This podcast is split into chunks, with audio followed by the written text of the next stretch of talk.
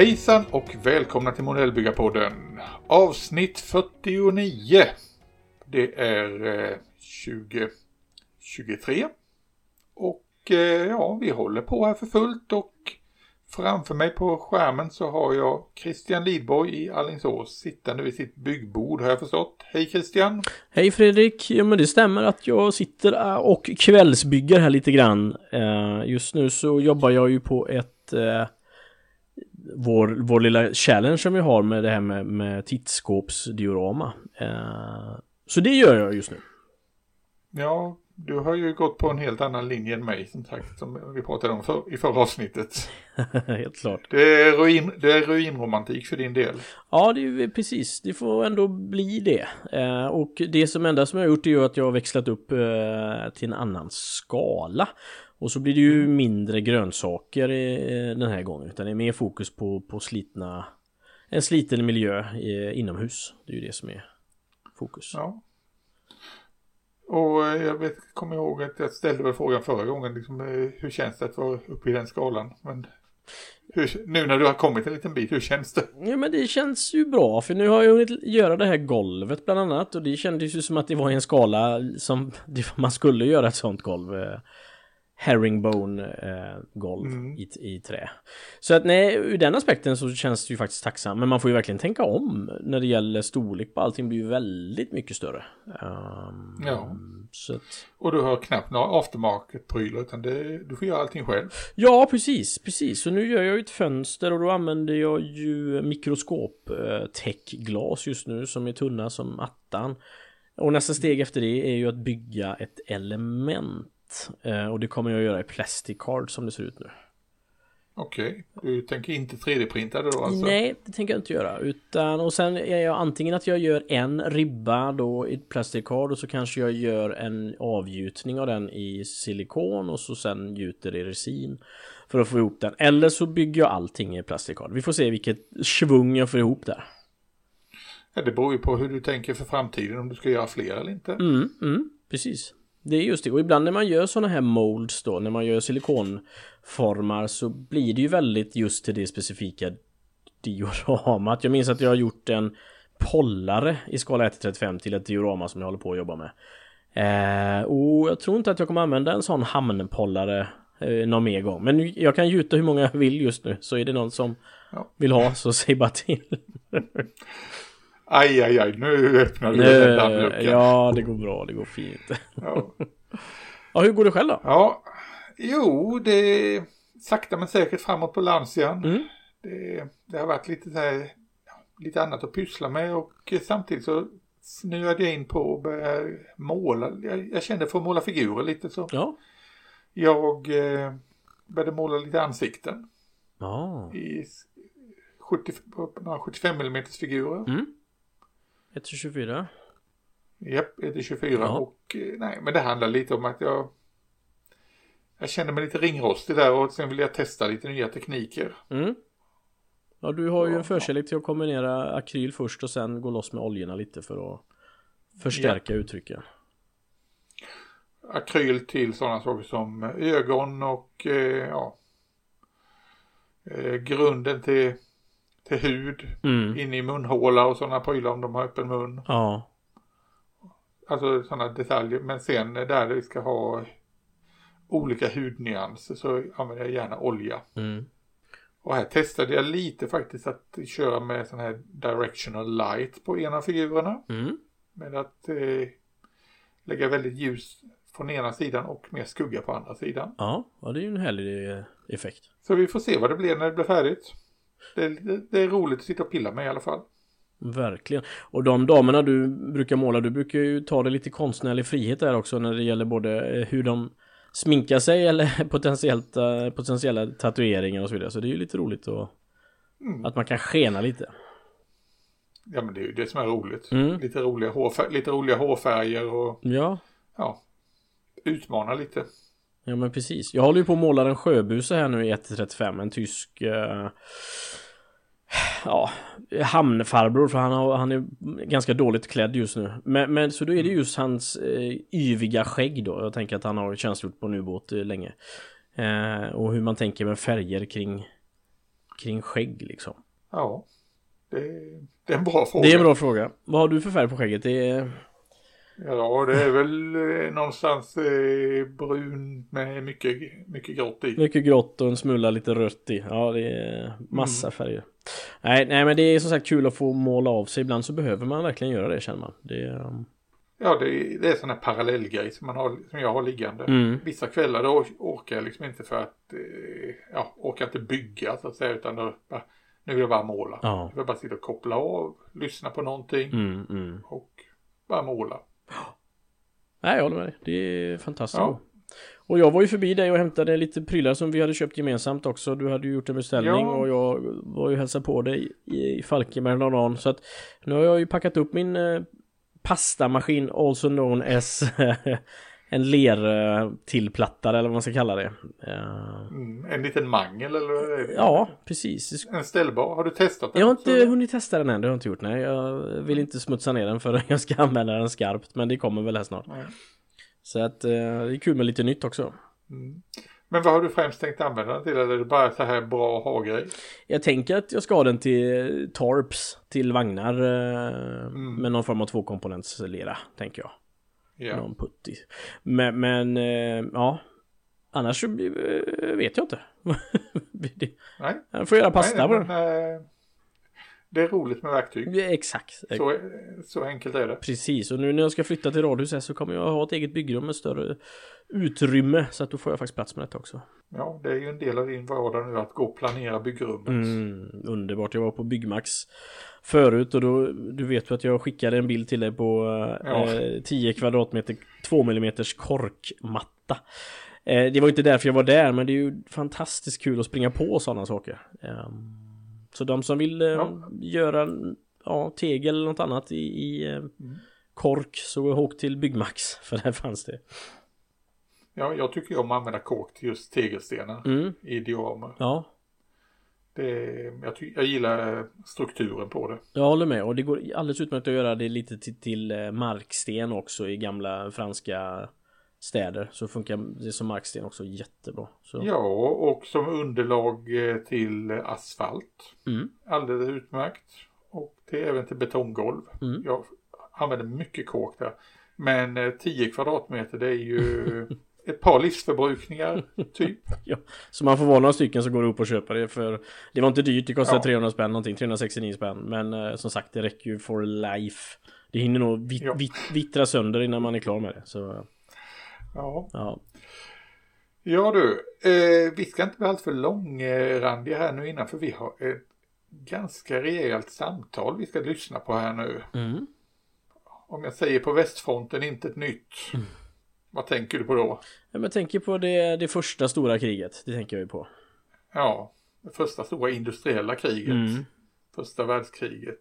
Ett krig som eh, länge var ganska försummat i, när det gällde modellbygge. När jag växte upp så fanns det i princip, eh, ja det var Airfix lilla stridsvagn i 1-76. En Mark 4 typ som, ja. Ja, en, en Mark 1 var det ju till och med. Okej, okay, okay. Som dessutom var felaktig. Och sen eh, i ET32 så fanns det då den här Airfix dubbeldäckare. Den eh, mm. typ, eh, typ B-bussen. Ja, ja, ja, just det, just det. Vilken skala var det så? 1 till 32? 1 till 32. Oh. Den gamla bilskalan alltså. Ja, ja, ja. Den som Miniart nu har gjort en jättefin i 1 till 35. Mm, just det.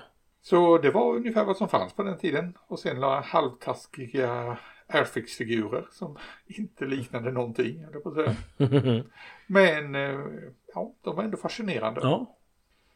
Och varför pratar vi om detta då? Jo, därför att eh, jag har snackat med en riktigt duktig modellbyggare som är en verklig expert på det här med första världskriget. Mikael Terfors. Honom känner vi igen. Det gör vi minsann. Han eh, var bland annat på på C4 och fick en hel, hel fina priser där förra året, mm. 2022. Japp. Och vi hade ju äran att eh, titta närmare som sagt på hans modeller där. Mm. Så eh, ja, vi kanske ska ta och lyssna på intervjun med Mikael. Jag förresten kan ju säga det att det var inte bara Mikael som var där nere utan även hans bror. Christer Tefors. Mm. Och ja, de är ju duktiga modellbyggare bägge två. Men nu är det Mikael som står i fokus idag. Så vi lyssnar väl på vårt samtal med Mikael.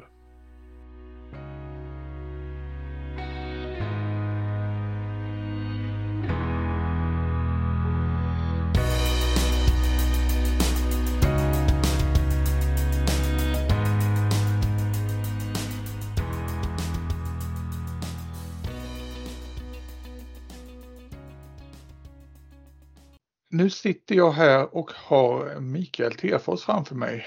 Välkommen till Modellbyggarpodden. Mikael, väldigt roligt att ha dig med. Jag har faktiskt eh, längtat efter det här ögonblicket där jag ska få prata med dig. Välkommen. Tack så mycket. Tack, tack. Kul att vara här och som sagt det är väldigt trevligt att, att träffas. Du har eh, haft en skön jul, avkopplande antar jag? Det har jag. Eh, till och med hunnit bygga lite emellanåt faktiskt. Ah, vad trevligt skinka. Du, eh, jag vet ju någorlunda vem du är, men eh, det är många som inte vet vem du är, men de kan känna igen ditt namn när de mm. hör det och eh, när de sen får lite grepp om vad du bygger för någonting. Vem är Mikael Tefors? Ja, eh, om man börjar utifrån mig som person så är jag väl en eh, medelålders eh, historieintresserad tvåbarnspappa som eh, försöker få tid över till att bygga så mycket eh, modeller från första världskriget som jag bara hinner med. Eh, emellanåt tittar jag en hel del på historiepoddar och sånt där och, och sånt också. Så att, eh, ja, nej men eh, någonting sånt där. Jag, jag är väl eh, jag har försökt hitta sådana olika typer av folk som bygger saker och ting om, om var de kommer ifrån för typ av, av bakgrund och sådär. En del av oss jobbar ju kanske lite kreativt även eh, så att säga, när vi är på jobbet och jag, jag är ju egentligen jag är formgivare och art director i botten. Eh, nu jobbar jag som mm. i och för sig men, men någonstans där och det finns mycket ingenjörer och det finns mycket tekniker också har märkt som, så man kommer emot det här lite grann på lite olika bogar har jag förstått när man pratar med folk. Ja, det, det brukar ofta vara någonting annat som driver oss in i modellbygget eller får oss att stanna där. Precis. Men eh, din väg in i modellhobbyn, jag misstänker att du precis som jag satte igång väldigt tidigt i unga år. Ja, det kan man väl säga. Eh, det var min pappa som satte igång mig och min bror också som även bygger. Han, vi, eh, det var nog 70-talet när han, jag kommer fortfarande ihåg, det var någon Airfix Boeing B17 tror jag, 1-72 som han mest byggde, jag tittade mest på. Eh, Britfix och Humbrol eh, färger och sådär. Eh, en liten nostalgi. Eh, ja. sen, sen började jag väl bygga en del själv också. Jag hade en leksaksaffär inte så jättelångt hemifrån som faktiskt hade ganska bra, på den tiden ganska bra modeller man kunde köpa. Så att, eh, det var mycket Airfix och Matchbox. Så, nu pratar vi någonstans kanske mitten till sent 70-tal, någonting sånt där. Mm. Det som man brukar räkna som den gyllene eran för Airfix till exempel. Ja, exakt. Exakt. Eh, jag tror vi brände typ hela veckopengen på ett kit och så byggde man det på en timme och sen så fick man se. Vissa smällde man i skogen med, med kinapuffar och andra fick väl finnas kvar en stund. Mm. Det var intressant, du nämnde din, att din bror också byggde och han bygger fortfarande ja? Det gör han. Mm. Jag har en egen sån konversation hela tiden. Man visar varandra grejer och pratar om hur man löser olika saker. Så att, uh, han är lite mer, ja, först var han väldigt mycket in på tyskt uh, flyg, gärna Focke-Wulf sent Eh, andra världskriget. Mm. Det är mera maskinenkriger och lite annat som han eh, håller på med. Så att, ja men det är kul. Jag har ja. utbyte där. Men du, eh, första världskriget nämnde du att du bygger. Varför ja. fastnade du för den här eran? Det är ju inte den, eh, på säga, ska vi se tillbaka modellmässigt så har det inte varit den lättaste perioden för att hitta modeller. Nej, och kanske just därför, jag vet inte. Man kan säga så här, liksom många andra så, så gjorde jag en sån där eh, efter någonstans mitten på 80-talet, lite senare kanske, så, så slutade jag bygga rätt mycket. Och så höll jag på lite granna bara sådär, jag målade lite figurer eh, lite då och då. Men sen någon gång i början på 2000-talet så, så eh, satte jag igång igen och då var det just första världskriget som drog. Och jag tror det finns tre olika anledningar faktiskt. Det, det, det ena är min mormor. Hon föddes 1902 i Wien. Mm. Eh, så att hon, hon levde i Habsburgska väldet under, ja, när kriget var faktiskt. Hon kom till Sverige efter kriget. När det var svält och nöd och Österrike och Ungern föll ihop. Eh, så där fick jag mycket liksom, sådär, historier och, och saker som jag så säga, någonstans har plockat upp. Ja, då var hon gammal nog för att komma ihåg väldigt mycket från kriget också, för då var hon ja. ju i tonåren. Precis, precis. Uh, och sen så är också det här att jag hade haft en fascination för det här uh, ställningskriget som ju var då på västfronten inte minst. Ända sedan jag var barn någonstans. Jag kan inte förklara det. Det är någonting eh, fascinerande med de här siffrorna och så att säga att man kan sitta så i, i skyttegravar i fyra år och, och slänga saker på varandra. Mm. Uh, då när jag var ung så visst förstod jag väl inte riktigt implikationen av det, det gör jag nu. Men, Eh, men det som egentligen utlöste det då 2000 det var att jag bodde i Storbritannien då och för dem så är kriget, framför allt första världskriget, ska jag säga, väldigt levande. Eh, de kommer ihåg det, det är nästan absurt faktiskt, hur de liksom så repeterar hela tiden det här mantrat. Mm de som dog för vår skull och sådär. Varje, inför varje 11 eh, november då när, när krigsslutet var så har man ju så att säga, marscher och man minns och man säljer de här röda eh, vallmoblommorna mm. som alla går omkring med på rockslaget. Så, här. så det, det finns verkligen deras eh, minnen och mycket museer och sådär. Vart man än kommer och går så ser man ju de här eh, monumenten med årtalen och sådär i kyrkor så ligger det böcker som man kan läsa och titta. Det så nedskrivet från den tiden då vilka som dog och när de dog och var de dog. Mm. Det, det, det, var nog det som var så att säga, triggern där i början på 2000-talet att jag kände att nej, men jag kanske ska ta och bygga lite på, på det här. Mm.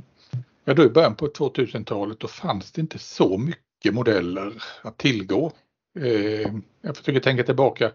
Jag satt själv lite och byggde en del och eh, för mig var det väl det att jag fascinerades över framförallt eh, de tidiga stridsvagnarna, den romboida formen hos eh, ja, Mark 1 till Mark 5 stridsvagnarna framförallt. Det var ju det, jag tyckte det var jättehäftiga. Mm. Men det var inte så mycket modeller som fanns att tillgå. Nej, Nej det gjorde det inte. Och, och det som fanns var väl ganska kass. Man ska ja. vara lite så.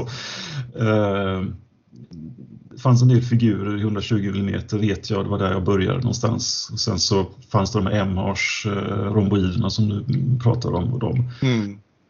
byggde jag nog ett par av där också. Jag tyckte väl att de var rätt okej okay, men, men tittar man på dem nu så är de ju ganska basic och felaktiga. Ja, det, det, har man väl fått reda på att det är en hel del fel på de där vagnarna. Ja. Och när man tittar på dem nu så också så plasten känns ju ja, jättetjock och klumpig som ja. du säger. Väldigt ja, basic.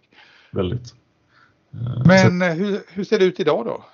Ja, men nu är det ju en helt annan sak. Eh, det började så smått någonstans 2005 när, när Råden släppte sin Fokker DR1 132. Då hade de i och för sig redan tidigare släppt ganska mycket flygplan 148 172 från första världskriget. Men det var väl då som man började få upp ögonen för dem lite grann, åtminstone jag.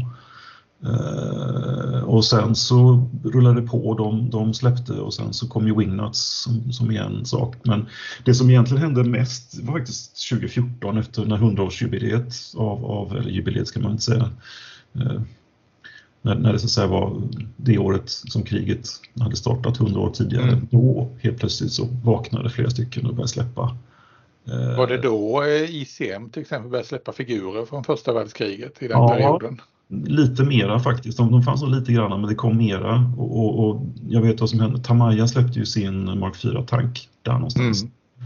Uh, och så började det komma lite mera uh, så landbaserade grejer. Och sen kom Tacom ju plötsligt med sin FT16 uh, Renault GT16 FT17, förlåt heter den. Inte mm. Och så började de släppa de här rombiderna också en efter en. I, det kom ganska många på en rasande fart där under några år. Ja och sen eh, var det, det var Hobbyboss och Tacom som släppte ja. franska vagnar. Det Saint-Chamond-vagnen och eh, Hobboss släppte väl även, var det Schneider va? Just det, precis. Det, det hände allting, allting hände där kring 2014 när det gäller de grejerna nästan och så höll det på i några år där. Nu kommer ju ganska mycket pansarbilar, eh, Copper State. Mm. De är väldigt, väldigt trevliga. Eh, Miniart likaså. Ja. Um, så att nu finns det rätt mycket. Vi ser också några lastbilar, lite sådana saker. Och det, det, det, jag har nog mer än vad jag kan bygga för tillfället i alla fall. Jo, jag, jag känner igen det för jag, jag, jag delar din fascination när det gäller första världskriget och modellerna där. Men du har gett in på en sak där som jag inte har och du nämnde råden och, det gäller mm. flyg och sen mm. wingnuts. Eh, på flygsidan där har det ju funnits länge, alltså 1-32 modeller, för det är väl det du har fastnat för framför allt? Ja, det stämmer. Det, det är lite så att den, jag tycker den skalan är, och det är många som tycker att den är bäst när det gäller det här. För första världskrigs, framförallt de små eh, sits, vad heter de, insitsiga, är ju inte så himla stora egentligen. Och det är lite knöligt att rigga och sådär. Men får man upp dem i storlek till 32 och så har man lite större gap mellan vingarna och sådär så blir det lättare mm. att jobba med dem. Så det, det, är många som tycker att det är den bästa skalan för den typen av modeller. Och där fanns det väl några stycken, Academy hade väl några på 2000-talet men de var ganska kassa. Och sen när, när råden släppte sin eh, Fokker D1 så var det ett, ett stort steg framåt. Idag tycker vi kanske inte att den är så himla bra längre men, men ah, jag tycker fortfarande att de är rätt okej. Okay. Och de släppte ett antal, eh, under ganska så kort tid också, under några år där så kom det ett antal um, insitsiga flygplan. Mm. Men 2009 sen, då släppte helt plötsligt någon som heter Wingnut Wings uh, fyra kits bara sådär. Ja, Wingnut Wings, det är ju ett lite speciellt företag. Eh, ja. På det sättet, för det är ju en historienörd som, mm. har, liksom, som startade som en historienörd med kapital. Precis. Peter Jackson, ja. filmregissören. Ja. Och eh, ja. Hur, kan du berätta lite om Wingnut Wings, vad du vet om det? För jag tror du, du är mycket mer insatt i det än vad jag är. Och ja, deras modeller, vad är det som gör de här modellerna så speciella? Ja, dels är det ju kvaliteten, skulle man vilja säga. Eh, de är ju gjorda för att kunna byggas eh, utan att det ska vara för stora problem med om man säger så. Det har alltid, innan dess har det alltid varit så att ska man bygga en dubbelläckare med riggning och sånt och med, med stagen och så, så är det, du får vara lite is i magen och ha lite tungan rätt i mun och inte för många tummar i händerna för att det är rätt lite knöligt och så att säga, själva eh, ingenjörskapet i, i, i de här gamla eller äldre kitten är inte så himla bra. Det är inte alltid så himla lätt att få in vingen på rätt vinkel och få det att balansera så att man liksom kan få det att, att torka. Men Wingnuts gjorde ju någonting att de, de, de utgick ju ifrån att det här skulle gå att bygga och att det skulle gå att bygga av någon som faktiskt inte kanske hade byggt någonting sånt här tidigare. Så att de var väldigt noggranna med sitt eh, så att säga, utgångspunkten för hur man skulle fästa eh, och sånt där. Man, det gick inte att sätta ihop eh, saker och ting på fel sätt. Lite som Tamaya eh, är. Vilket gör att du får väldigt liksom, positiva eh, eh, när du förankrar alla saker och ting på rätt plats och det, det sitter som det ska och du kan, du kan inte mixa saker och ting på fel sätt för det, det funkar inte. Eh, och det, det, gör ju att du får den, den här övervingen då som är kanske det som de flesta tycker är lite jobbigt du kan få det på plats utan några större problem. Uh, och du behöver inte vara trollkonstnär, vilket en del tror när det gäller annars. Um, och det då i sin tur gör ju att man, man blir lite mera, då kan man koncentrera sig på måla istället. mm. Vilket är trevligt, tycker de flesta. Ja, Nej, för du, du nämnde ju råden innan och det är ju en sån här mm. eh, vattendelare. En del gillar råden och en del säger liksom aldrig att jag petar på en rådenmodell igen. Jag tycker de är lite orättvisa de som säger så faktiskt. Men ja, nej, alltså visst, det finns en poäng. De, de, de är inte så himla lätta, men faktum är att när man tittar på dem i, i, i lådan så kanske man tycker att det här ser ut som någonting väldigt, eh, ja, det som man kallar för så här short, short run på engelska. Mm. Men de är inte riktigt så illa tycker jag inte. De, passformen är ändå ganska okej. Okay. Eh, du får slipa en del och så. Men det är väl just det här med, med eh, att få dit stag och sånt där och få vinklarna rätt. Där är de ju inte alls så bra. De har ju inte gjort så djupa hål eller någonting sånt där eller gjort så att du kan säga, fästa fästa sag och sånt där på ett lätt sätt eller stötter. Nej, det sista du säger är väl min erfarenhet också från en del rådenmodeller att det här med små tappar och hål för att fästa ja. ihop delarna så att det kommer rätt, det saknas Nej. väldigt ofta. Det saknas. Och sen är det lite mystiskt tycker jag för att de har ju liksom på vissa delar så brukar det vara ganska så skarpt och snyggt och inte speciellt eh, ja, väldigt detaljrikt och sådär. Och så är det andra delar på samma modell kan vara väldigt mjukt och lite eh, sådär fluffigt som man inte vill ha det. Mm. Det är väl också lite konstigt eh, kan jag tycka. Att man liksom ja. gör hela vägen. De kräver lite av sin byggare som, som du säger. Ja, det gör de. Men nu trillade vi ur ämnet. Det var Wingnut Wings vi pratade om här. Ja, just det, precis. För de kom ju ut med väldigt många fina modeller här nu genom åren. Ja, Från eh, ganska hanterbara små till en Fokker DR1 och så vidare till stora grejer. Vad, mm. vad är det största de har gjort? Gåtabombaren eller något sånt där? Ja, eller Felix Stone, jag vet inte. De ja. hade ju en Handley Page HP 400 och 0 på gång också. Mm. Uh, men de har aldrig släppts. De finns någonstans kanske, eventuellt. Ja. Finns det någon dator någonstans om inte annat förmodligen? Ja, de har, de har till och med de har skjutit ut ett antal uh, provexemplar. Jaha. Det finns faktiskt några byggare, några lyckliga få som sitter någonstans ute i världen och har dessa. Uh, och en vet jag har byggt den, eller håller på att bygga den i alla fall. Ja. Nej, för ja. det var ju helt plötsligt så kom det bara ett meddelande från Peter Jackson att nu lägger vi ner Wingnuts eller mm. hur var det egentligen? Det, var en, det blev en väldig storm i alla fall, vet jag på nätet.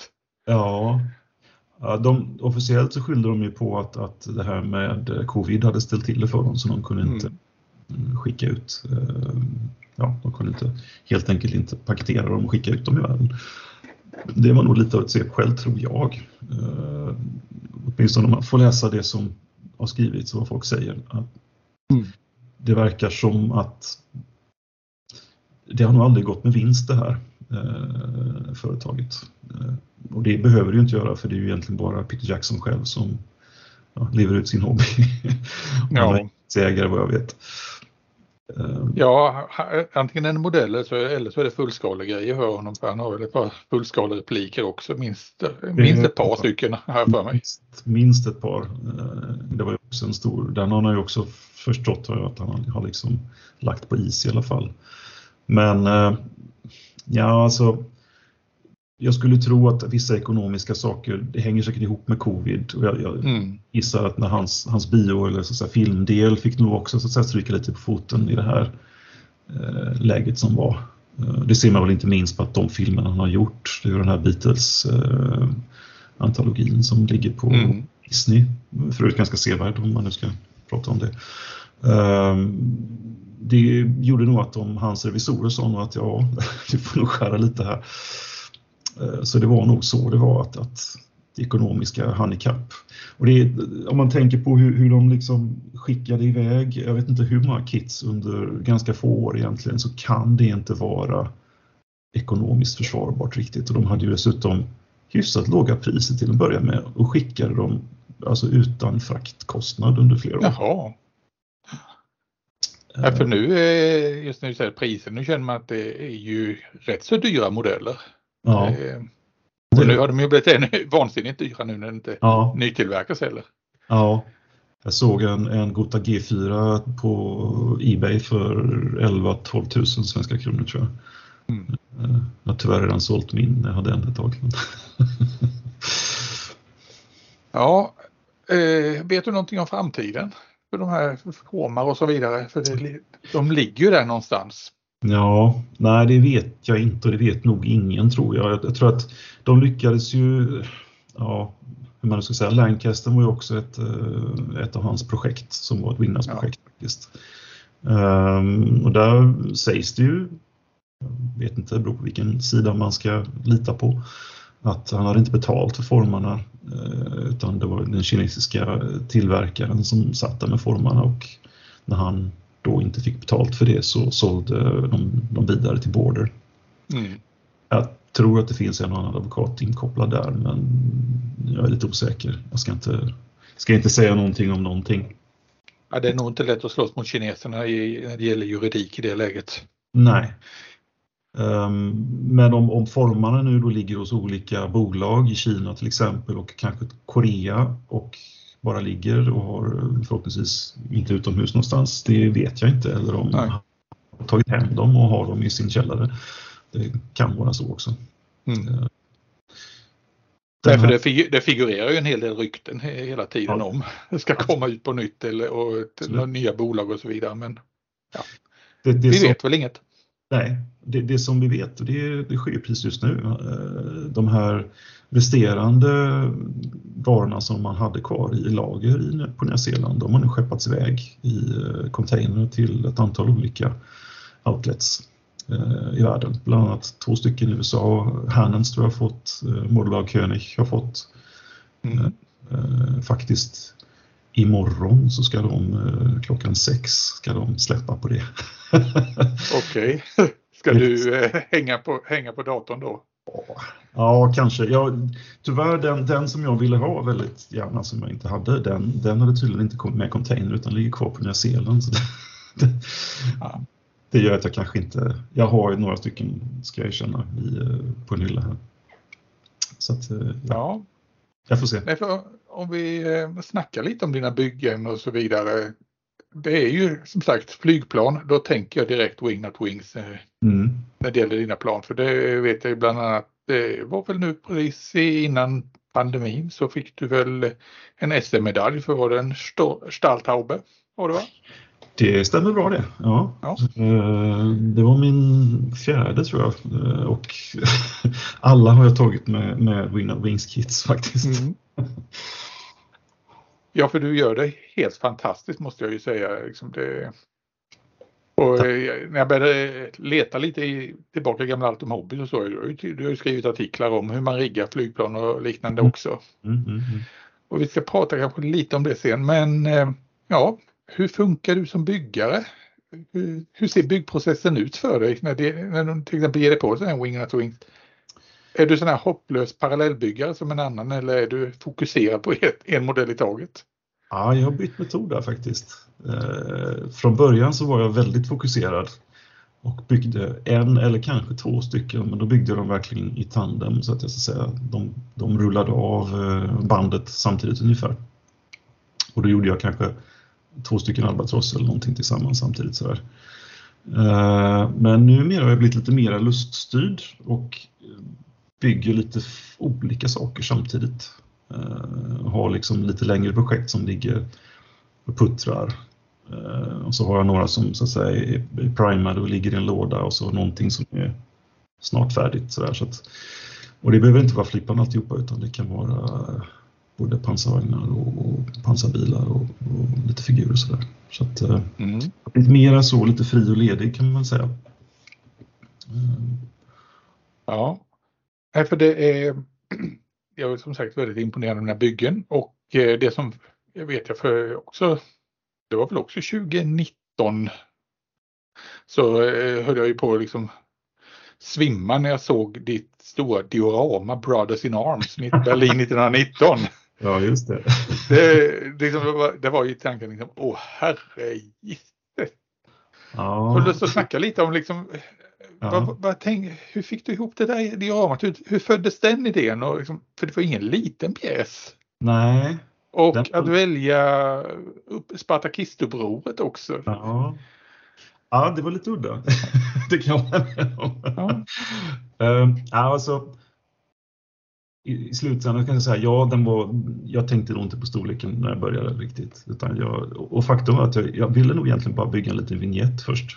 Um, jag är lite fascinerad av, och det här går tillbaka till min historie, eh, historiegrej, jag är lite fascinerad av så att säga, följderna av första världskriget och mm.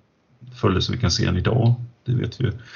Um, och då är ju det här då med revolutionen i, i Tyskland och hyperinflation och allt sådär ganska fascinerande läsning faktiskt.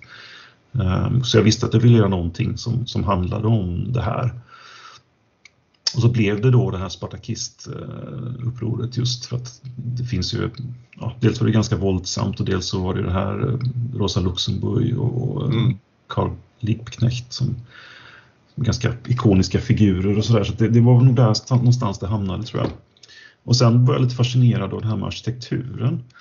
Eh, om man tittar på det finns som ser ut här i Göteborg så, så är det väldigt mycket ganska tyskinspirerat eh, kontinentalt om man tittar på de här Jugendbyggnaderna och de lite sena 1800-talsbyggnaderna. Och jag tittar på ritningar från, från hus i Berlin och så man ser man känner igen det ganska väl. Så jag kunde gå omkring här i Göteborg och titta liksom och se att ja, just det, det här det hänger ihop på något sätt. Så då blev det helt plötsligt en byggnad också. Mm. Eh, så man fick skala ner lite från den ritningen jag hittade för att den var egentligen någon våning till. Det hade nog varit lite väl högt. Men för det är fascinerande diorama för det händer saker på alla nivåer i, ja. i bygget. Ja. Dels nere på, i gatuplanet där du har bland annat, vad är det, en, en Erhardt pansarbil eller? Ja, just det. Men det var innan Copper Street, långt innan ja. Copper Street. Ja. Ja. Det här är en, en resin, ett resinhärke från White Storm i eh, Polen som jag köpte i Måsen tror jag något år. Uh, den, den kom i några påsar och så var det en sån här bygg. uh, men försök, var... försök hitta rätt delar. Ja, lite så, lite så. Vi, har gjort en rit, vi har ritat lite för hand där så, ser ni, så tror vi att vi kanske kan eventuellt förstå vad vi menar men vi är inte säkra. Fast den var faktiskt ganska lätt att bygga till slut ändå kan jag säga. Uh, ja, uh, den och så var det den här whippeten som kom ifrån uh, Tacom tror jag. Som är med. Uh, och så ett antal figurer i SEM, de flesta av dem tror jag. Som jag har uh, fixat. Ja, nej för som sagt det, det är, du var väldigt noga med detaljer. Jag kommer ihåg bland annat att du hade fått med persienner som var lite på, på tvären och sådana saker. Ja. Ja, du måste ha haft eh, mycket fotoreferenser att titta på innan när du är, eller? Mm. Mm. Jo, och det, det, är en sak som är ganska trevlig med tycker jag, det här med att hitta olika referenser och googla fram ett antal. Det finns ju alla med och de här eh, det, fototjänsterna, där kan man hitta en del, även om de kanske är restricted så kan man i alla fall använda dem för egen eh, mm egen research och så. Så att, eh, det tycker jag är ganska kul. Jag har ganska mycket sånt som ligger i olika mappar överallt på datorn. Eh, och så kommer man på ja. efter vägen. Man, liksom, man kan göra så här, just det, och testa. Eh, jag tittar ju på vad andra modellbyggare gör och så tänker man, det skulle man kunna använda till någonting annat eller göra så här. Det... Mm. Nej, för annars, eh, jag har sett en del av dina andra eh, första världskrigsdioramer och då är det ju frontgrejer. Det är skyttegravar mm. och liknande. Ja, just det. Så var du, du kom lite utanför komfortzonen här misstänker jag när du skulle ja. in i stan och göra ja. ett väldigt urbant diorama. Ja, det är sant. Men det var roligt också och det, det, det, det fick mig att få upp ögonen och det är någonting jag fått upp ögonen för mer och mer att det här kriget vi förknippar det väldigt mycket med fronterna och Flandern och, och Frankrike och sådär men det skedde så himla mycket annat på andra ställen som, som är väldigt intressant. Så att, mer och mer så har jag börjat titta mer på vad som hände i Galicien och eh, i Ryssland och på havet och ja, lite här och där. Så att, jag skulle nästan kunna tänka mig att bygga bara saker som inte är Ja, fartyg, har du gett dig på det än? Säger jag som fartygsnörd. Det har jag inte. Nej. Um, jag, jag kikade lite på den här uh, ubåten som Das Werk släppte för ett par år sedan. Ja just det, det är en stor fin, stor fin pjäs, ja. heter 72. Ja, den är stor. Uh, den är lite cool, den, kan man ju vädra och det är lite steampunk sådär och det, det är lite roligt tycker jag. Uh, och där kan man ju bygga ihop och vädra så att det blir ja, lite, lite roligt bara. Kanske, alltså, men det får mycket plats.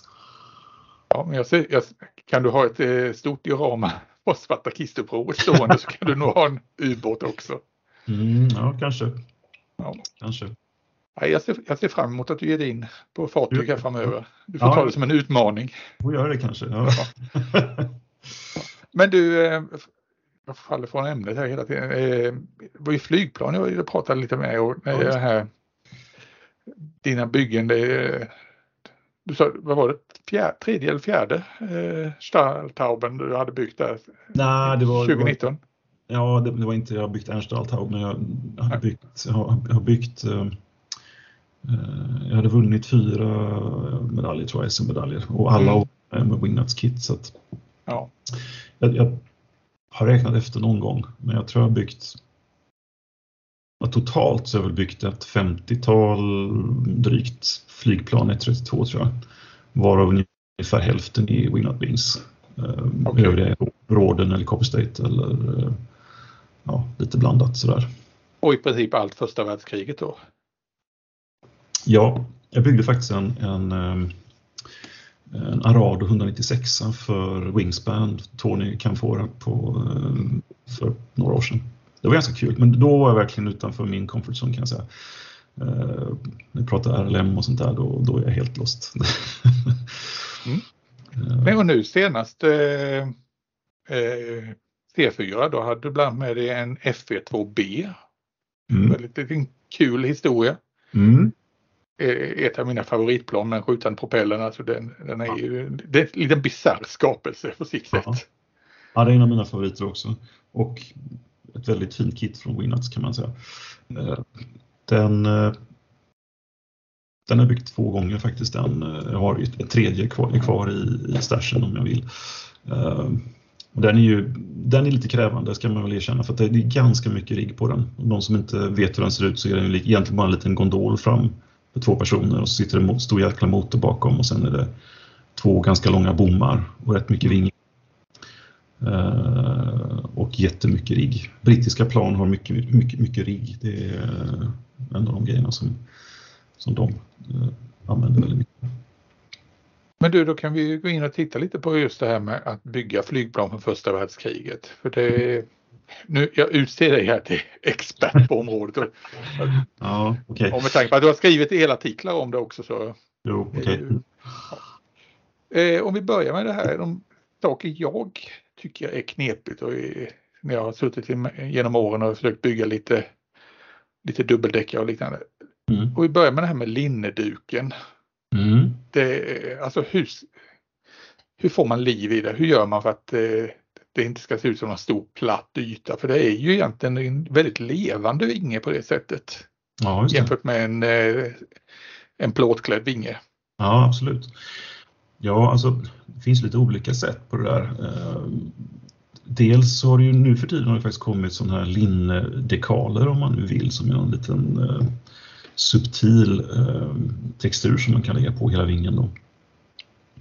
Det har jag aldrig använt. Jag tycker att den är lite överdriven faktiskt därför att tittar man på 1-32 skala och så tittar man på hur den ser ut på riktigt så motsvarar den väl inte riktigt. Det blir väldigt grovt. Det blir som säckväv ungefär. Uh, sen det ser ganska fint ut tycker jag men, men, men jag, ja, jag vet inte. Uh, det som jag brukar göra det är att, så att, säga, att maska av framförallt ring, vingribborna, de här som är en höjd där man dessutom sätter en tejp ofta. Mm.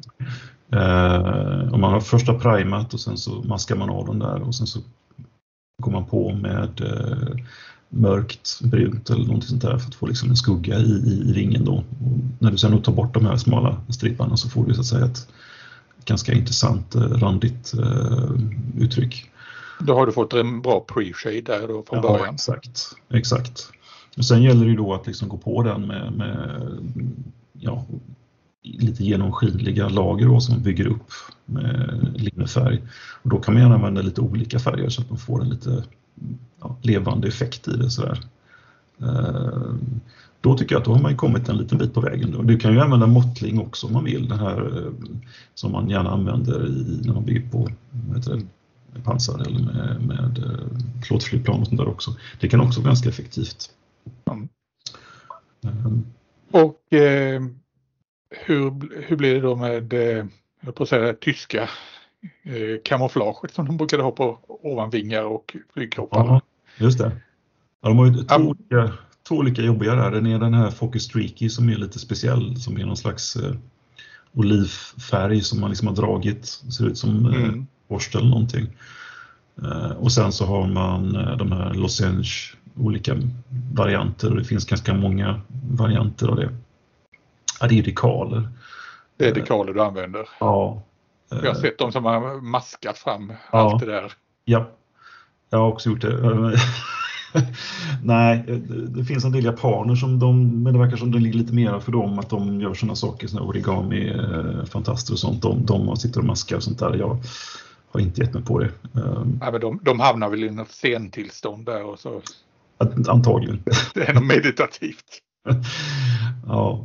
Nej, det finns ju det finns faktiskt ganska fina eftermarknadsdekaler för tiden från ett bolag som heter Aviatic. Eh, de, där har, de har verkligen allt du kan tänka dig. Eh, både så att säga färdiga satser för, för Wingnuts Kids eller bara lösa så att säga eh, Losange för vad man nu behöver. Men hur får, du, hur får du liv i Los Angeles-kammot då? För då det blivit, lägger du på en dekal där så börjar det bli ganska platt. Är mm. det ungefär samma behandling efteråt som när du har grundat en vinge mm. som ska vara enfärgad? Ja, just det. Uh, ja, du kan göra det på olika sätt. För, det första så om de är genomskinliga här dekalerna och det är, de Aviatic kan man köpa genomskinliga så kan man ju pre-shada uh, på dem. Och då får du ju lite lir i det. Uh, får en viss subtil skillnad och då kan du dessutom lägga lite olika mörka och ljusa alltså fält då, om du har en, en, en, gul eller en, en, brun vinge eller någonting sånt där och så lägger du på Los Angeles så får du en olika, olika effekter på det. Ja, ja. Uh, till exempel. Um, och sen kan du gå på efteråt. Jag brukar ha gjort i alla fall, man gör sådana oljedots uh, till exempel.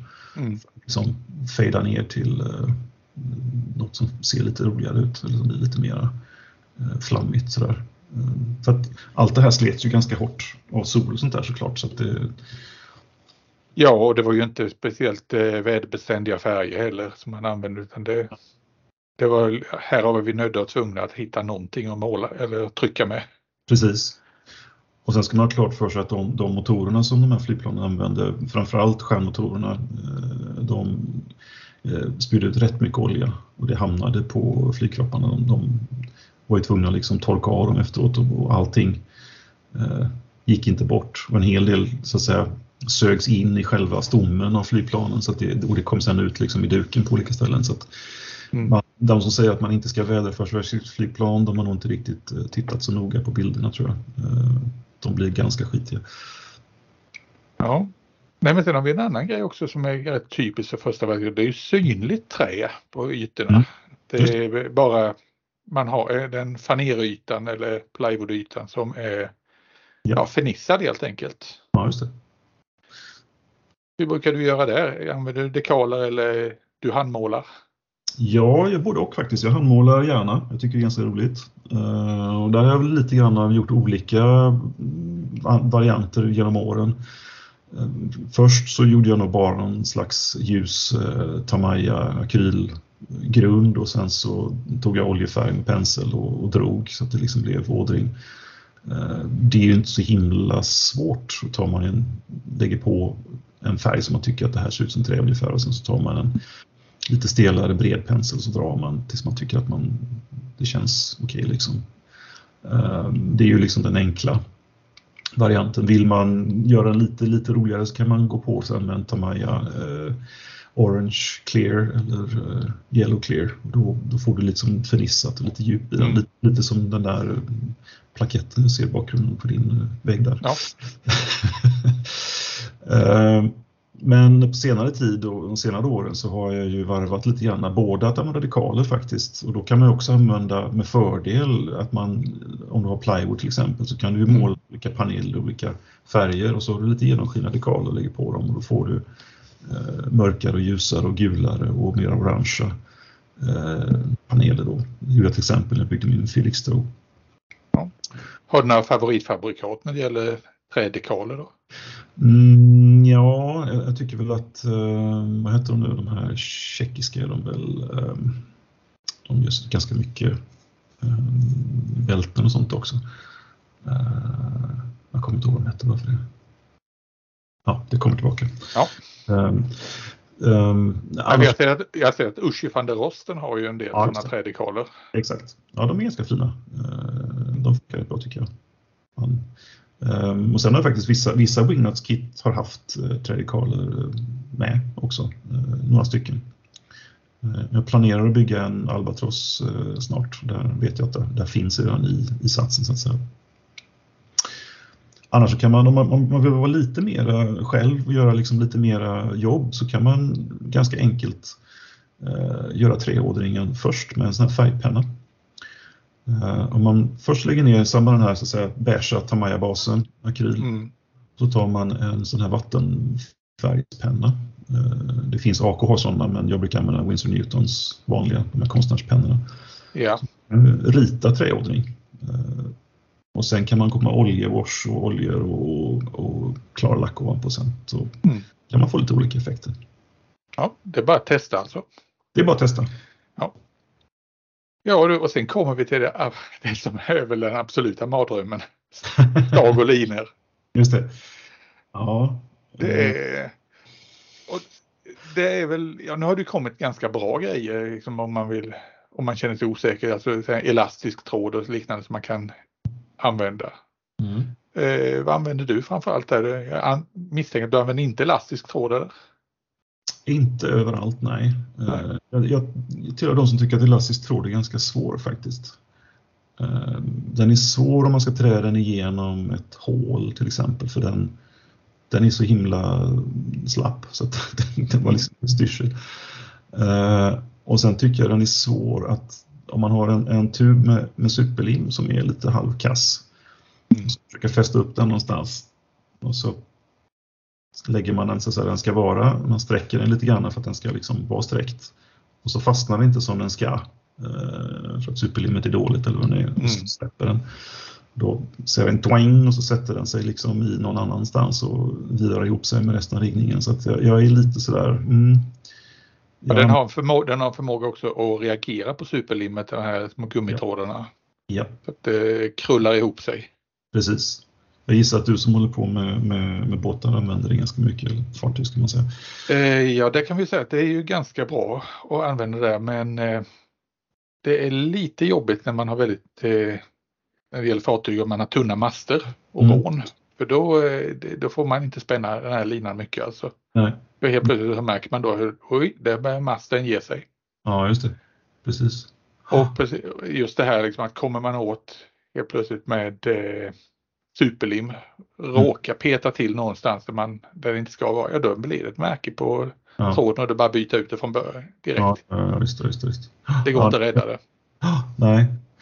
Nej, jag, jag använder sån lina mestadels till eh, kontrolllinor som mm. går över horn och sånt där för att de ska vara så raka som möjligt. Uh, I övrigt när gäller så huvudriggning och sånt där så använder jag mest fiskelina eller nylon, nylonlina faktiskt. Mm. Uh, dels för att den gör att den stagar liksom upp uh, själva bygget. Den, den, funkar som riktig riggning, alltså mm. vingen blir mer stabil. Uh, och dels så tycker jag att det är lättare faktiskt att få den att göra som man vill att den ska göra. Uh, men då måste man fästa den i någonting så då måste man ha små öglor eller någonting i, i en ände. Ja, för där också tittar man på hur originalen ser ut så där förekommer ju olika fästpunkter och vantskruvar och grejer. Just. Och i 1-32 så återskapar du det. Ja.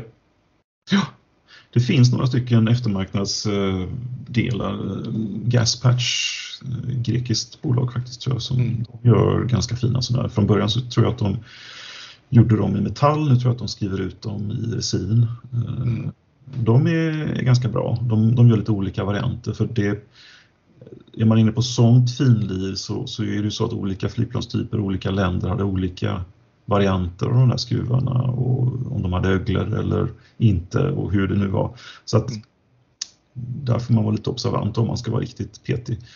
Um, och sen har vi de brittiska då som har de här platta metallriggen som är strömlinjeformad helt enkelt. Mm. Den är lite speciell. Tyskarna använder rund rigg och där brukar 0,15 fiskelin ungefär funka. Men ska man vara riktigt petig på de brittiska kärrorna ska man ha en, en platt lina då som så att säga är ehm, Ja, och då ska den ligga liksom i, i vindriktningen också. Okej. Okay. Ehm, ja. nu, börjar, nu börjar jag känna mig jättestressad här.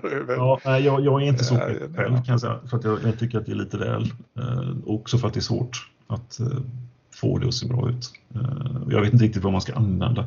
Det finns, Ames till exempel vet jag har gjort sån här metallplatta helt enkelt som man ska fästa då.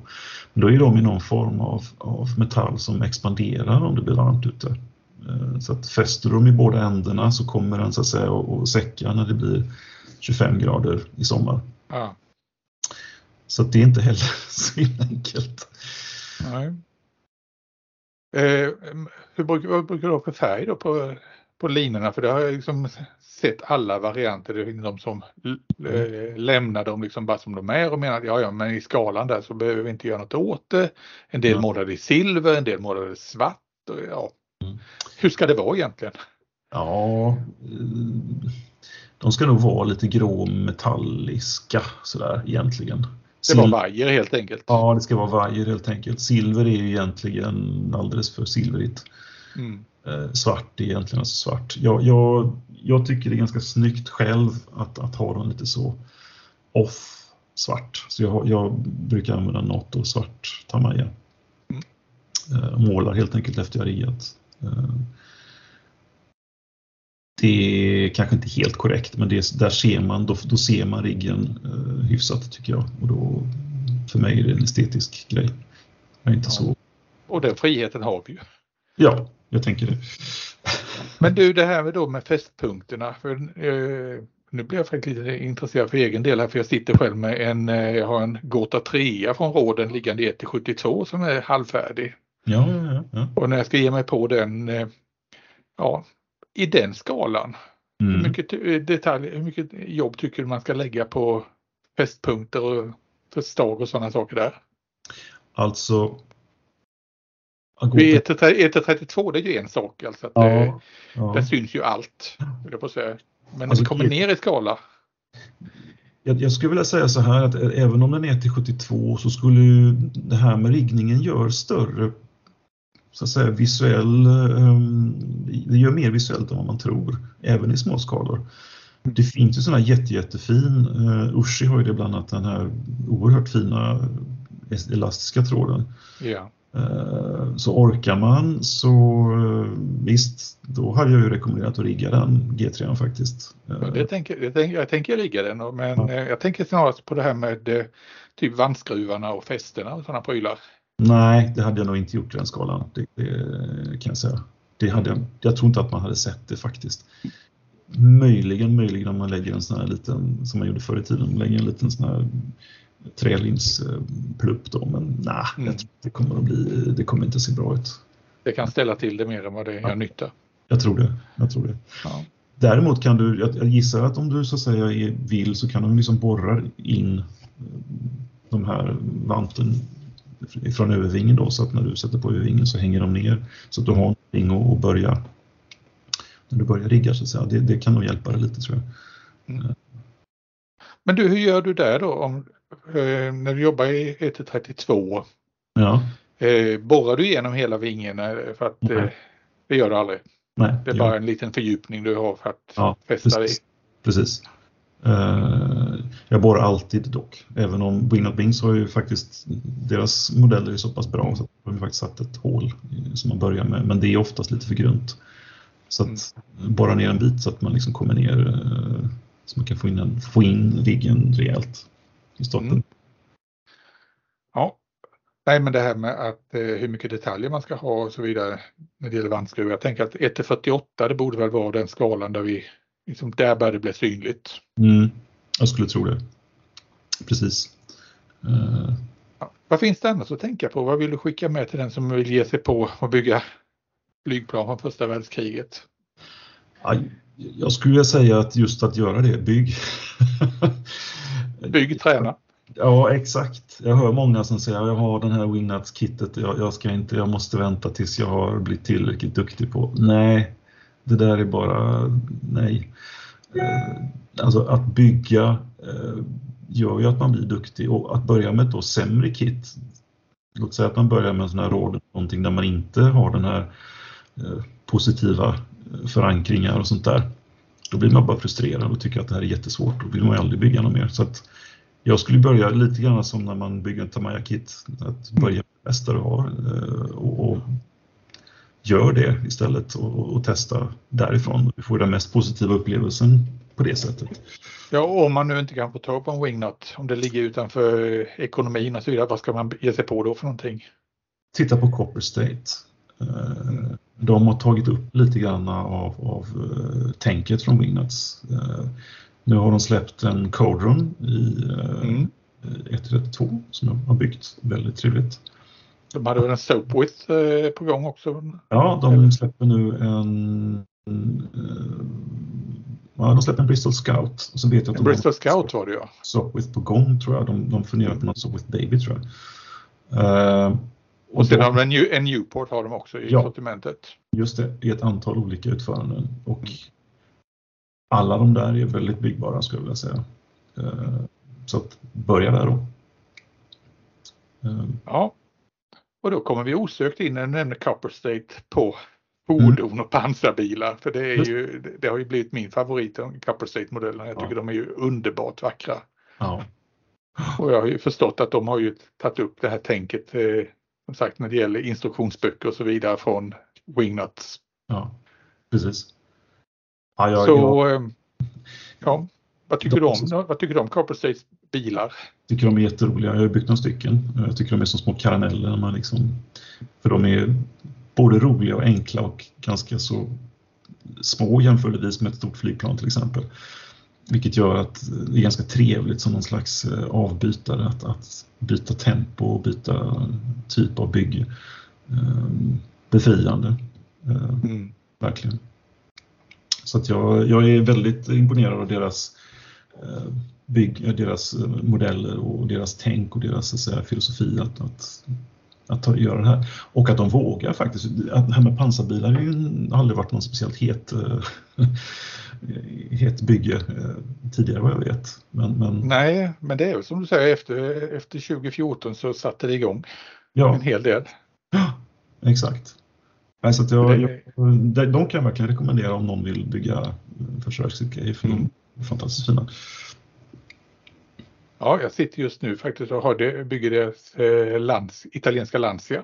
Ja, just det. Mm. Det enda jag kan säga som jag har väl kanske lite invändningar mot det var att det var väldigt mycket märken från utskjutstappar. I och med mm. det, mm. Ja, vill man ha lite öppna dörrar och grejer så blir det ganska synligt så det blir en del att ta hand om där. Det är sant. Men, men det är hanterbart för det är ju ändå, de har lagt dem snyggt i alla fall. Ja, det har de gjort. Det har gjort. Och sen vissa av deras interiörer är väl också kanske lite sparsmakare. De, de har inte haft med, de har inte alla ammunitionslådor och alla sådana grejer om man nu vill. Eh, det kan man ju tycka om man vill om. Eh, vissa tycker att det är fantastiskt att inte behöva ha, man kan stänga alla dörrarna, andra vill ha allt. Så att, eh, mm. De har gått någonstans mitt emellan tror jag. Ja, de har ju börjat med en intressant grej också det här med att komma med efter, eftermarknadsgrejer, 3D-printade det senaste här nu. Mm. Det, jag fick ju fick ju hem julen till deras Lancashire och de var ju, de var ju fantastiska. Alltså så tunna ja. ekrar har jag nog aldrig sett. Nej. Ja, mycket, jag... snygg, mycket snyggare än etsade. Ja. ja, ja. De är runda också. Ja, precis. Ja, nej, jag, jag, har, jag har inte köpt dem än men jag kommer väl göra det tror jag om jag känner mig själv rätt. Ja, gör det. Du kommer mm. sitta och le en hel kväll bara och titta på dem. alltså, de är också väldigt fina figurer, eh, vilket är lite roligt tycker jag. De har ju, mm. det, är roligt, det, det, tycker jag är en, en, en, spännande, de har liksom blivit sitt eget eftermarknadsföretag eh, på något sätt. De, de, tar upp hela den biten mm. eh, på ett väldigt bra sätt. Och de har väldigt fina figurer också, de är väldigt snyggt skulpterade. Ja, nej och det är som jag tror jag sagt innan i podden, det är lätt att ha att göra med dem att eh, skicka efter från det. Det är snabba leveranser och ja, inga mm. bekymmer tycker jag. Nej. Det finns ett annat bolag att hålla lite koll på om man nu är intresserad av, av flygplan för världskriget i den här skalan och det är Lukraf i uh, ska se, Polen vill jag säga. Okay. Uh, de har ju börjat på den här lite intressanta spåret där de så att säga 3D-printar delar av, av kittet. Så att motor och stag och, och cockpit och sådana saker, det är 3D-printat alltihopa. Och så får du vingar och, och kroppen är väl då gjutna i resin. Ja. Uh, ganska intressant och det finns mycket snack om det här nu om det här är liksom framtiden för de har lyckats släppa väldigt mycket kit på ganska kort tid. Uh, när du inte behöver ha en lång utvecklingskostnad och kanske en ganska dyr utvecklingskostnad med gjutformar och sånt där i Kina. Så att, ja. Ja, nej, det du säger, jag, jag känner igen det från fartyg. Jag har sett en hel del fartygsmodeller som gör på samma sätt. Alltså det kommer ut lite udda grejer. Mm. Skrovet ofta resingjutet och sen mm. alla små grejer som kanoner och liknande. Det är 3D-printat då. Just det. Och det kan ju bli, det blir en väldigt, väldigt hög kvalitet på det.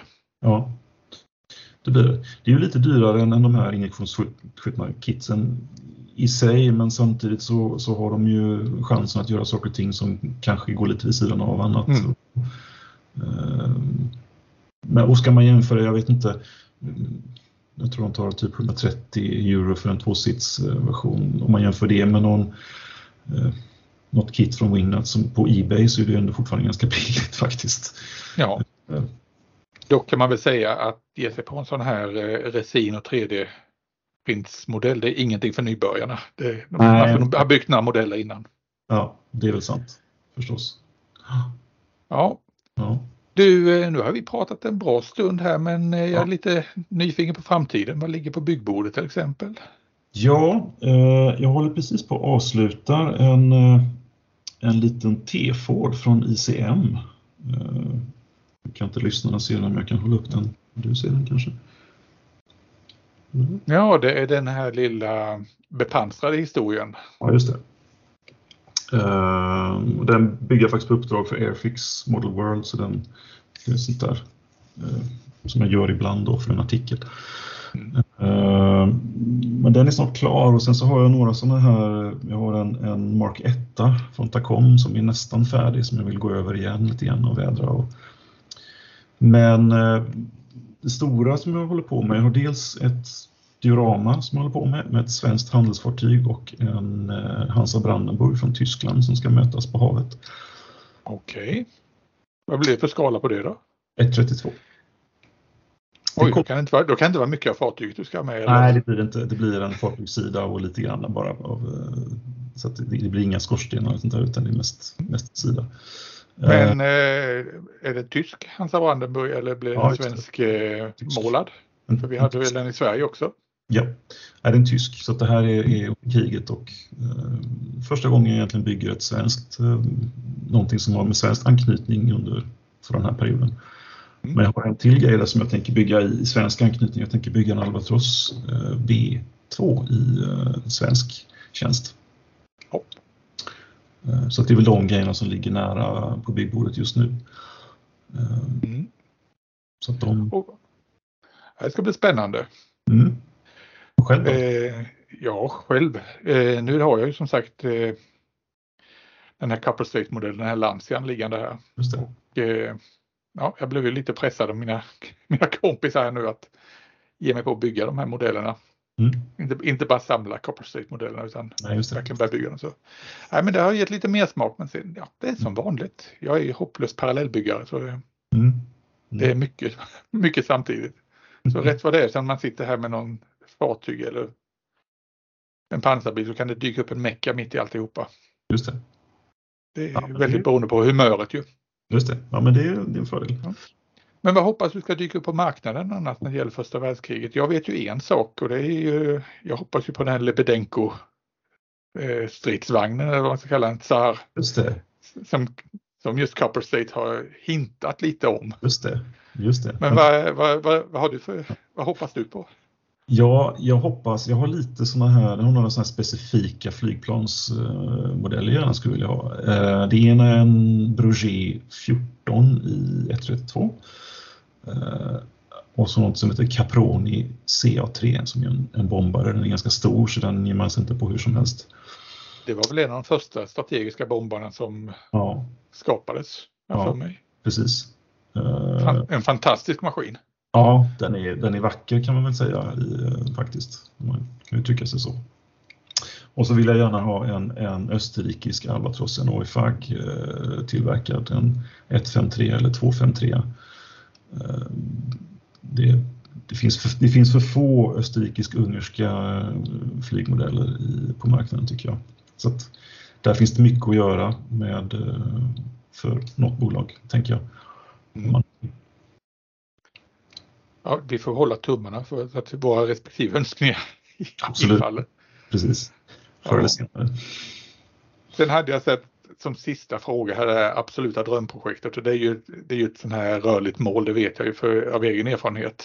Men Mm. vad är det absoluta drömprojektet just nu för dig? Oj. Eh, det, jag, på någonstans så, så sparkar jag alltid omkring en massa diorama-idéer i huvudet och mer eller mindre omfattande och det är väl som sagt ett rörligt mål men, men jag skulle vilja bygga ett, ett störtat flygplan med allt vad det innebär. Eh, ganska svårt, framförallt den här typen av flygplan så att säga. De, de blir ju eh, skadade på sätt som är ganska svåra att, att, att bygga. Ja, det är mycket plockepinn så att säga. Det är mycket plockepinn, ja precis. Eh, Jag skulle vilja ha en, en, ett, ett lite större tyskt flygplan som står på nosen i, eh, någonstans i, i No Man's Land. Mm. Och sen så, just jag skulle också vilja bygga, jag är lite inne på de här eh, Alperna och den italienska Alperna och, och den konflikten som, som pågick där uppe bland glaciären och sånt där. Och där skulle jag vilja bygga en, en bergstopp. Eh, Det kan man göra Ja. i, i större eller mindre eh, omfattning. Så att. Man kan ju ha bara en bit av den. Men, men, Ja, Jag ser direkt framför mig hur man håller på att hissa, hissar upp en haubits eh, med, precis, i ett kransystem där. Ja, den typen av grejer. Uh, och så här små, små eh, trästugor som klättrar på ett efterbergssidan. Med. Mm. Vi får se. Ja. Finns- Något, av, något av isonspåslagen där. Ja, just det. Det finns, inte, det finns ingen brist på idéer i alla fall. Eh, Nej, men det är skönt att höra. Då, då vet vi att då, då kommer du vara kvar i hobbyn länge till. Ja, det är risk för det. Ja. Men du Mikael, det var helt underbart att få prata med dig. Ett stort tack. Och Tack så mycket. eh, vi återkommer väl kanske någon gång i framtiden. Så Ja. du får ha ett väldigt trevligt byggår framöver. tack. Tack detsamma. Vi, vi ses ju eh, på någon vi lär väl göra det. Vi gör det. Fint. Ha det gött! Samma. Hej! Hej.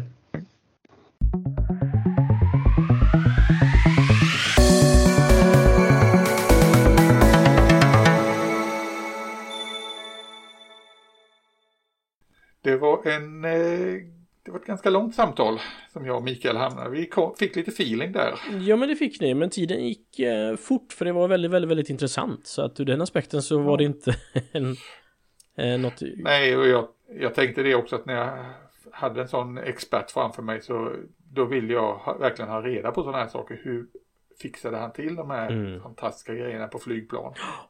Ja, och det är ju det här tålmodigheten som, eh, eh, som, som gör vissa modellbyggare, vad ska man säga, eh, något... Mm, alltså att deras objekt sticker ut något mer och det är klart att de här dubbeldäckarna med den här riggningen är... eh, Nej, det är svårt att ta in när man står och ser det framför. Alltså det är galet. Mm. Du, du har inte varit lockad att eh, ge dig på någon sån? En wingnut eller en råden? Nej, nej det har jag inte. Det har jag inte. Jag, jag Inte än. inte än. Jag är nog definitivt mer lockad till det än att bygga en modern F35. Det måste jag ju säga. Ehm, men och, och framförallt då för att det finns så många härliga aspekter i det. Att du får, du, om du vill kan du måla trärena saker och ytor och Mm. så ur den aspekten är det ju hur coolt som helst. Men då jag tillåter det nog att proffsen får ta hand om detta tror jag. Men en sak vet jag att du är lite sugen på. Det är ju Copper State-modellerna, CSM-modellerna. I allra högsta grad. Alltså Vissa av de här objekten som CSM har gjort eh, Man blir ju skakig i benen. Nu när jag var hos dig häromdagen så gick vi igenom din samling av eh, alla tio som har kommit ut. Och eh, ja Ja, du, du höll på att säga du saliverade ganska rejält. Ja, verkligen så blir det kladdigt om munnen. Nej men det, vissa objekt är ju fantastiska och så Och det är ju så mycket byggläge i en sån I och med att produkten är så oerhört bra Så blir ju eh, Det var lite som vi sa det att ska man åka iväg någonstans i tre månader och bygga eh, Och bara ta med ett kit så är det ett sånt kit man ska ta med För det är så många aspekter av glädje i ett sånt kit Ja. Nej, så det, jag har förstått att du är, det, det har fastnat i huvudet på dig det här med CSM-modellerna. Det har det absolut gjort så att jag eh, söker efter en Minerva och jag söker efter en Canadian Armored Car. Eh, kan man väl säga att jag gör just nu. Det är de två som appellerar mig mest faktiskt. Sen har jag ju en Roden eh, maskin hemma här också. Och kanske till och med någon mäng historia. Men Ja, CSM lockar väldigt, väldigt mycket. Och det är klart att de, de kostar ju en slant, men det är ju så oerhört värt det, känner jag. Ja, och eh, särskilt alltså när man eh, gör en sån här pre-order på det, det är ju det är ju värt hur mycket som helst. De grejerna som de skickar med då. Mm. Det är fantastiska små extra böcker och extra dekaler och grejer. Ja. Beroende på vilket objekt det är. Och dessutom en liten, eh, vad kallar man det när det är en liten print av ett, vad det nu kan. Ja, en liten, en liten limited eh, print av eh, lock, eh, boxarten. Ja men precis, precis. Och så står det verkligen nummer 22 av 110 liksom. Det, nej, och det är ju, ja. ja nördar man ner sig i det tycker man ju att det är hur häftigt som helst och alla andra kanske skulle tycka att det är lite konstigt. Men vi uppskattar det. Ja. ja. Nej men särskilt de här extra instruktionsböckerna eller ja, böcker, faktaböckerna som de skickar, har skickat med en del modeller. De är ju fantastiska tycker jag. Mm. Ja, det är, jag håller med. Det var det lite vi pratade om att det skulle man ju betala bara för att få en sån bok för den informationen. För att det är ju ett jättearbete med information och bilder och walkarounds och... Ja, nej. Och så nu också då, nu har ju du beställt dem eftermarknads som, som ni pratade om där också um, i intervjun. Men att man kan 3D-printa eh, hårstråstunna saker som ändå syns och som inte går sönder om man då är, om man, inte, om man är försiktig. Men liksom, är det, det har tagits till en helt annan nivå, verkligen. Ja. Nu när du har sett det, då förstår du varför jag liksom har kärat ner mig i detta. Mm, verkligen, verkligen. Ja. Ja. Och då kan vi, då kommer de som undrar liksom, jaha, hur håller man koll på det här? Ja, lättast är ju att eh, helt enkelt gå in på Facebook och gilla Copper State Models eh, eh webb, eh, sida på Facebook. Då har man lite bättre koll på just när de släpper nya modeller. Mm. För då kan, du, då kan man förhandsboka. Och då får man med lite extra godis som sagt.